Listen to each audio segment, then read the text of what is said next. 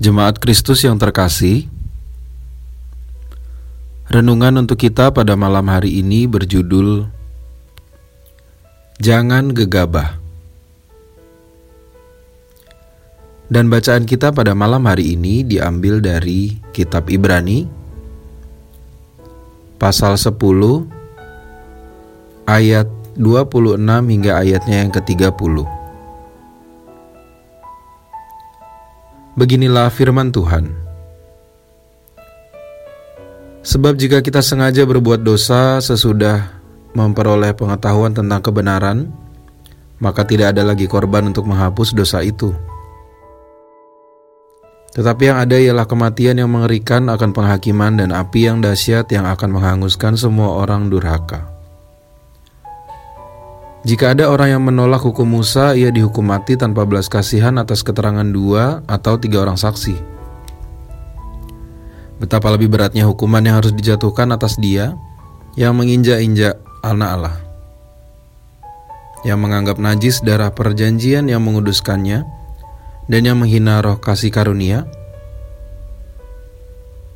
Sebab kita mengenal dia yang berkata, Pembalasan adalah hakku, akulah yang akan menuntut pembalasan. Dan lagi, Tuhan akan menghakimi umatnya. Hukuman bagi orang yang tidak mengetahui apa yang diperbuat tentu lebih ringan daripada seseorang yang memang dengan sengaja melakukan kesalahan demi keuntungannya sendiri. Hal inilah yang dikatakan oleh penulis kitab Ibrani yang menjadi bacaan kita pada saat ini. Kita diingatkan bahwa takkan ada lagi kelonggaran bagi kita yang sudah mengetahui dan memahami setiap perintah dan kehendak Allah bagi kita. Jangan berlindung dalam kemurahan Allah dan terus berupaya mendapatkan pengampunan yang justru membuat kita semakin terjerembab pada dosa, karena kita tidak mau berubah. Memang betul bahwa Allah senantiasa memberikan pengampunan, namun Allah tak bisa dipermainkan oleh kejahatan kita.